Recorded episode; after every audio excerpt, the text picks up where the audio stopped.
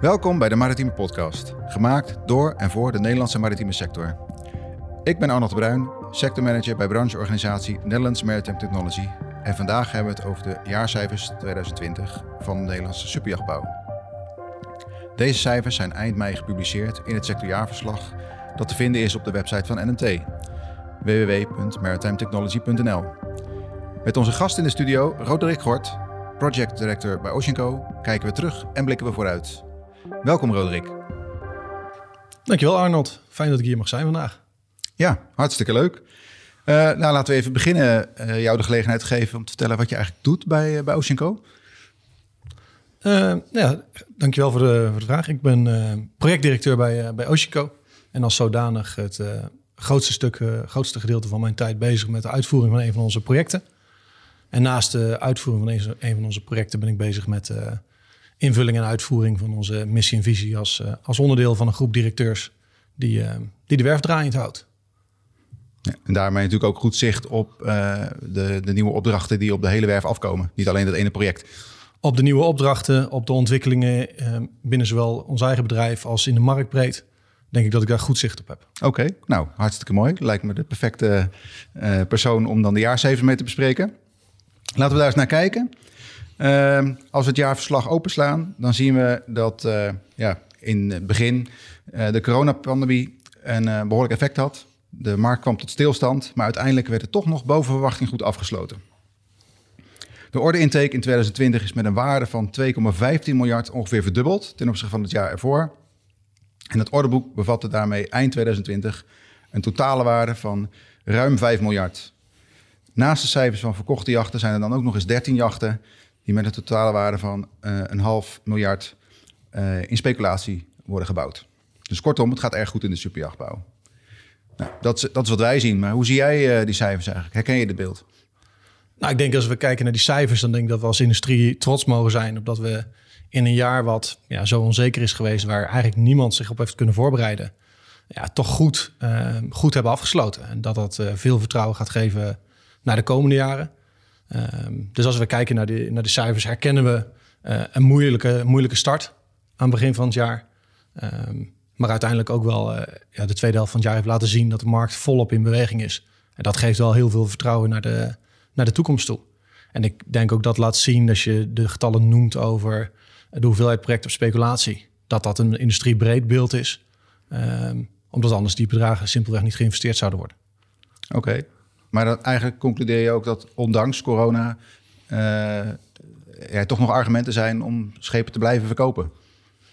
Ja, absoluut. absoluut. Als wij kijken naar onze klanten, denk ik dat ze juist in het afgelopen jaar hebben gezien wat de toegevoegde waarde is van, uh, uh, van de jachten en het hebben van de jacht en het gebruik van de jachten. Mm -hmm. Dat ze zich realiseren dat um, ja, de tijd met familie en in goede gezondheid, in een veilige omgeving, ja, iets van, van oneindige waarde is. En dat ze juist in deze periode uh, de dingen die in het verleden vanzelf als vanzelfsprekend golden, dat dat niet meer zo is, dat ze zich nog meer focussen op, op de dingen die van waarde zijn voor, voor hun. Ja, en een van de dingen is toch het tijd spenderen met de mensen waar je om geeft. En dat kan uitstekend aan boord van de, van de jachten zoals wij ze verkopen en bouwen. Ja, dus eigenlijk zeg je dat de jacht de veilige omgeving is om dan in te vertoeven.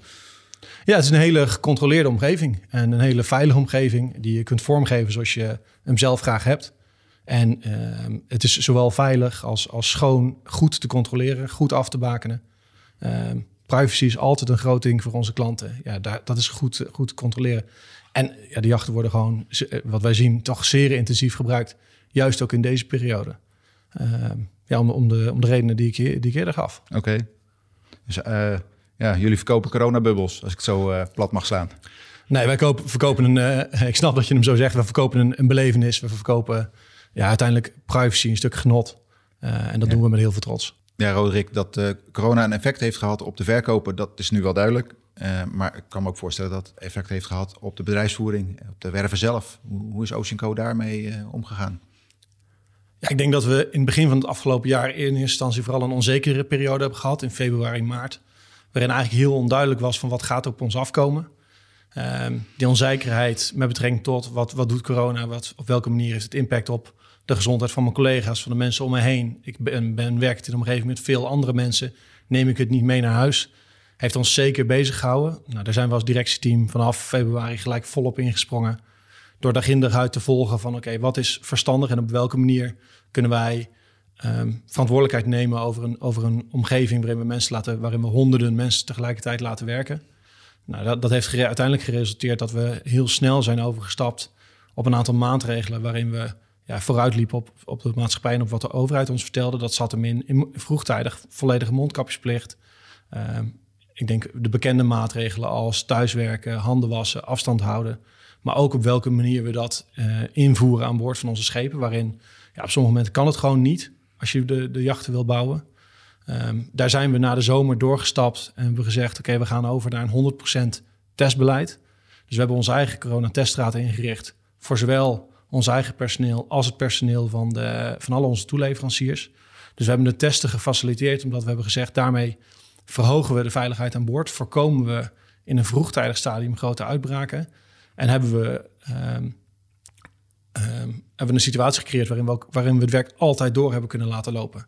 Dus we hebben geen moment gehad waarin we de business stop moesten zetten. Uh, of omdat we het zelf niet verantwoordelijk meer vonden, of omdat de GGD ons ertoe uh, verplicht. Um, we hebben een omgeving gecreëerd waarin mensen, ja, ondanks de situatie, toch veilig konden werken. Zich daar ook grotendeels comfortabel in voelden. Um, het interessante is dat ook toeleveranciers de, de maatregelen en de Ehm, en de voorzieningen die we hebben genomen als, uh, als zeer prettig hebben gewaardeerd. Omdat ze zeiden, ja, we weten dus dat er alles aan gebeurt om een veilige omgeving uh, te creëren.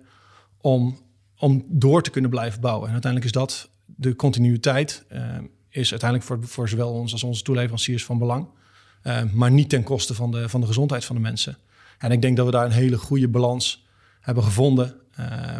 waarin we ja, voor vol hebben doorgekund. Uh, en waarin we iedereen mee hebben gekregen dat dit de manier is hoe het, hoe het kan. En uh, ja, dus daar kijken we. Dat heeft veel tijd en moeite gekost van de mensen. Maar uh, ja, ik denk dat we, dat we het goede hebben gedaan de afgelopen jaar. Nou, dat lijkt me een compliment waard. Goed te horen dat het werk daardoor altijd heeft door kunnen gaan. En de gezondheid toch voorop heeft gestaan. Ja, absoluut. Is geen twijfel. Ja, over de hele sector gezien zijn de verkopen dus toegenomen. Geldt dat ook voor Oceco specifiek? De markt is, het is een gezonde commerciële markt voor ons. Ja? En, we zitten goed, goed in het werk. Um, uiteraard staan we altijd open voor klanten met een specifieke vraag om te kijken hoe we ze verder kunnen helpen en aan het invullen van hun droom. Um, maar de markt is, is goed. Ja. Zie, en zie je dan ook eigenlijk een verandering in die vragen? An, ander type aanvragen komen nu? Nou, ik denk dat we marktbreed zien dat, uh, dat, dat de jachten groter worden. Um, dus dat ook bij ons de vragen binnenkomen van soms klanten die, die doorstappen naar een grotere boot, tot klanten die instappen in, in de grotere formaten.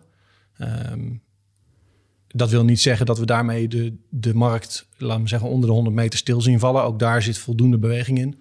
Ik denk dat wat we zien is dat klanten met specifiekere vragen komen. Omdat we zien in de grotere, in ieder geval de vraag die naar ons toe komt, is hoe groter de boten worden, hoe meer custom ze worden en hoe specifieker de klantvraag is. En dat kan op techniek zijn, dat kan op uitvoering zijn, dat kan te maken hebben met het feit dat ze willen zeilen. Dat zijn allerlei varianten in de insteken. De ene is meer technisch gedreven, de andere is gedreven vanuit esthetiek soms vanuit familiesamenstellingen. Er zijn allerlei redenen waarom klanten komen uh, naar Oceco met, om een specifieke vraag ingevuld te krijgen. Uh, daar is, ja, we zien groter worden, maar het is zeker niet de enige driver die erin zit. Uh, dus we zien ja, veel ontwikkeling, maar eigenlijk volledig custom en dus in alle richtingen. Oké, okay, maar uh, ik heb wel gezien dat Oceanco ook geïnvesteerd heeft in grotere productielocaties. Ja, absoluut. Uitbreiding van productielocatie. Kijk, uiteindelijk met schaalvergroting moet je um, ook je processen mee ontwikkelen. Moet je um, je ook zorgen dat je voorbereid bent op de andere producten. Nou, de, in dit geval hebben wij de mogelijkheid gehad om vorig jaar um, wat we noemen de oude Herema-locatie in Zwijndrecht over te nemen. Dat is de locatie waarin we onder andere onze casco's bouwen. Uh, waarin we ons heet werk uitvoeren. Waarin we samen met onze, onze partners, onze co-makers uh, het eerste fase van het bouwtraject veel verder en intensiever vormgeven. Om uiteindelijk in Alblasserdam die achter tot de finish te maken zoals we die uh, voornemens zijn. Um, de grootte van de locatie in Zwijndrecht is dusdanig dat we daarmee ook verder in, invulling kunnen geven aan de behoefte in de markt op, het gebied van refits. Uh, omdat we ook daar zien van er, zit, er is veel meer vraag van onder andere Oceco-eigenaren, maar ook niet-Oceco-eigenaren om terug te komen of om, naar Alblasserdam te komen of naar Zwijndrecht. Eh, voor refits of voor ander werk. en ja, en daar geeft de zwijnige locatie ons ehm, ja, de uitstekende optie en mogelijkheden toe. Dat is hartstikke mooi.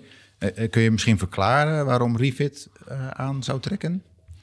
Ja, ik denk dat klanten ehm, uiteindelijk het netwerk van, althans enerzijds komen graag terug naar de bouwer die de schepen gebouwd heeft, omdat de kennis daar is over het product, omdat de, bouwer ook garant kan staan dat de werkzaamheden die worden uitgevoerd in dezelfde kwaliteit worden uitgevoerd als dat ze oorspronkelijk zijn gedaan.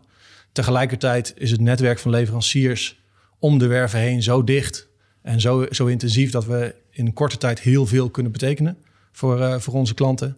Waarbij ze ook dan weten van hey, de kwaliteit die we krijgen is ook de kwaliteit die we hadden. En ik denk dat dat Nederland breed een van de, van de kwaliteiten van de industrie is. De dichtheid van leveranciers die we hebben. Om eigenlijk aan iedere vraag van klanten te voldoen. En met het feit dat we, nou, wij in Zwijndrecht uh, de locatie beschikbaar hebben. En er zijn meerdere plekken in Nederland waar het steeds makkelijker en steeds toegankelijker is om ook met grotere klussen terug te komen. Dat, we, dat de drempel om, om voor de refit naar Noordwest-Europa te komen weg is. Uh, en men dus ook komt, omdat men de toegevoegde waarde van de industrie ziet. Ja, Roderick, als uh, schepen steeds groter worden en ook uh, groter in aantal, kan ik me voorstellen dat dat nog andere effecten heeft in, in de industrie. Kun je daar wat over vertellen? Ja, kijk, uiteindelijk zien we dat de schaalvergroting die plaatsvindt ook impact heeft op, de, op enerzijds de processen en de manier waarop we onze jachten bouwen. Um, dus we zijn daarmee continu bezig om te kijken van op welke manier um, moeten we ons proces aanpassen of de manier waarop we bouwen of met wie we bouwen om het eh, controleerbaar en uiteindelijk ook winstgevend te houden. Um, als we kijken naar dit jaar, uh, zien we nu de effecten in de industrie gewoon op beschikbaarheid van, van grondstoffen. Dat zit hem in, uh, in staal, in aluminium, in koper. Zien we in ieder geval op dit moment corona gedreven een soort van achterstand in toelevering. Nou, wat doen wij daarmee? Is uiteindelijk strategisch kiezen op welk moment je welke materialen aanschaft. Uh, soms meer strategisch, soms wachten we bewust. Ehm, ik denk dat de schaalvergroting op het gebied van grondstof uiteindelijk ook ons gaat verplichten om keuze te maken.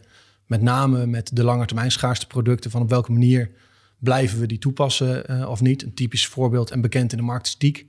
Uiteindelijk verbruiken we meer als dat de wereld kan, uh, kan laten groeien. Uh, de plek waar het beschikbaar is, is, is twijfelachtig. En ik denk dat we als industrie een keuze moeten gaan maken of dat we als Nederlandse jachtbouw dit product überhaupt aan willen blijven bieden of het in ieder geval moeten gaan doen op een manier die duurzamer is en waarbij we niet meer verbruiken als wat de wereld ons biedt. Nou, zo zijn er op meerdere vlakken zien we behoefte aan materiaal wat schaars is, waarvan we weten dat dat waarbij het opraakt. En dat we sowieso um, bezig moeten zijn met, oké, op welke manier blijven we de klanten de ervaring bieden, of zelfs de ervaring verbeteren die ze, die ze gewend zijn of die ze verwachten. Maar dat wel doen op een manier die verantwoordelijk is, niet alleen nu, maar ook in de toekomst. Dus ik denk dat dat aan de ene kant is wat we zien, wat het effect is van schaalvergroting en wat onze rol daarin is. Aan de andere kant, ja, met de schaalvergroting zien we de hoeveelheid GT's toenemen, zien we dus ook de behoefte aan personeel toenemen. Eh, en moeten we als, denk ik, als, als BV Nederland goed kijken naar op welke manier um, blijven we een aantal jaar voor de vraag uit met, oké, het opleiden van personeel. Doen we dat intern? Doen we dat gezamenlijk? Um, kiezen, kiezen we het model om eigen personeel aan te houden of gaan we in een grote flexibele schil? Uiteindelijk denk ik dat we nu langzaam tegen de grenzen ook van de hoeveelheid personeel in Nederland aanlopen. En dat we dat globalisering ook in de, in de, in de hoeveelheid partijen en de, de partijen waarmee we gewend zijn te werken, ja, gaat, gaat toenemen. En dat we steeds meer en steeds intensiever met partijen door heel Europa en uiteindelijk door de hele wereld heen gaan, uh, gaan samenwerken. Omdat we anders simpelweg niet aan de vraag kunnen gaan voldoen. Ja, dat is ook gelijk wel weer een mooi bruggetje naar, uh, naar, naar, duurzaamheid. Uh, als je zegt dat we ja, na moeten denken over gebruik van schaarsere materialen of andere materialen. Uh, hoe gaat uh, Oceanco, hoe, hoe kijkt Oceanco daar tegenaan? Wat doe je eraan? Nou, Oceanco kijkt daarna dat we vinden dat we onze verantwoordelijkheid te nemen hebben. En ehm, gelukkig hebben we klanten die daar inmiddels meedenken, die ook zelf met de technieken en materialen en, en wensen komen. Um, daar kijken we gelijk altijd, altijd mee mee. En het is niet de vraag of, maar hoe passen we dat in en hoe passen we dat toe? Mm -hmm. um, ik denk het vraagstuk wat er ligt is enerzijds materiaalgedreven.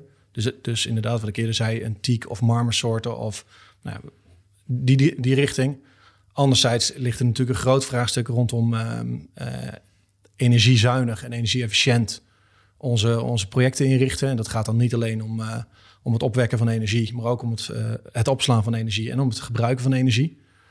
dat we daar continu bezig zijn met alternatieve ehm, technieken en op welke manier we die toepassen. Maar ook op een schaal die gelijk relevant is voor de, jachten voor de maat van de jachten die we bouwen. Dus dat is aan de ene kant waar ik vind dat we, waar wij als Oceco onze rol innemen. Waarin we onze corporate social responsibility als een van de pijlers onder ons bedrijf zien. Omdat het ook heel concreet is, wat één, wat we zelf willen en twee, waar klanten om vragen. Ehm, nou, en uiteindelijk gaat het niet alleen maar om het product wat je, wat je levert, maar gaat het ook om de manier waarop je het bouwt. En daarmee zijn we met de verduurzaming en de renovatie van diverse faciliteiten, hebben wij een hele grote hap genomen uit onze eigen footprint. Uh, door middel van warmtepompen, door middel van even ook gewoon kijken naar onze eigen afvalstroom. Hoe gaan we daarmee om? Hoe, hoe optimaliseren we dat? En uiteindelijk natuurlijk ook gewoon, uh, we voorzien een heel stuk in onze eigen energiebehoeften. Door de ruimte bovenop onze faciliteiten te gebruiken met zonnepanelen. Dus ik denk dat het tweeledig is. Ja, hartstikke mooi. En zie je dan ook dat de klantvraag uh, verandert daarin? De, wordt er ook meer gevraagd naar duurzame oplossingen aan boord van jullie schepen? Ja, absoluut. absoluut. Ik denk waar we, waar we zien dat vanuit nou, de jaren 90 en begin jaren 2000, als je kijkt naar aandrijftreinen, boten moesten hard, hard kunnen varen. Er werd eigenlijk heel veel vermogen geïnstalleerd, wat eigenlijk niet verbruikt werd. Uh, omdat de jachten, nou, generiek, op een kruissnelheid 60% van hun vermogen gebruikten. Ja, dan was het fijn dat je heel hard kon, maar het werd niet gebruikt. Daarmee werd eigenlijk de manier, als er wel gevaren werd, werd er heel inefficiënt gevaren. Uh, daar zien we gewoon een verschuiving ook naar de, naar de vraag, naar de functionaliteit van de jachten. En uiteindelijk wordt er ook gewoon echt wel gekeken naar... oké, op welke manier levert het me wat op in comfort, in privacy, in, in geluids... Um, in noise vibration aan boord van de schepen. Uh, ja, en daar, daar hoort het energievraagstuk. En op welke manier we dat aan boord um, inrichten en opbouwen, hoort daar zeker bij. Ja, dat lijkt me ook wel een po positief toekomstperspectief. Als, als een klant uh, meer gaat vragen naar duurzame oplossingen, dan uh, ja, kunnen wij dat ook allemaal toepassen in de schepen. In de schepen en misschien uiteindelijk zelfs een doorslag naar andere markten. Mm -hmm. absoluut. En ik denk dat, dat voor ons de uitvoering van een project waarbij een klant een duidelijke visie heeft, die, die kunnen samenvoegen met onze eigen kennis en kunde om op die manier stappen vooruit te maken. Ja, dat is de ultieme samenwerking. En op die manier binden we ook de klanten waarin we zeggen: je hoeft niet alleen te luisteren naar wat wij kunnen, nee, we luisteren naar wat jij weet en kunt. En laten we dat binden en samenbrengen in de producten die we realiseren.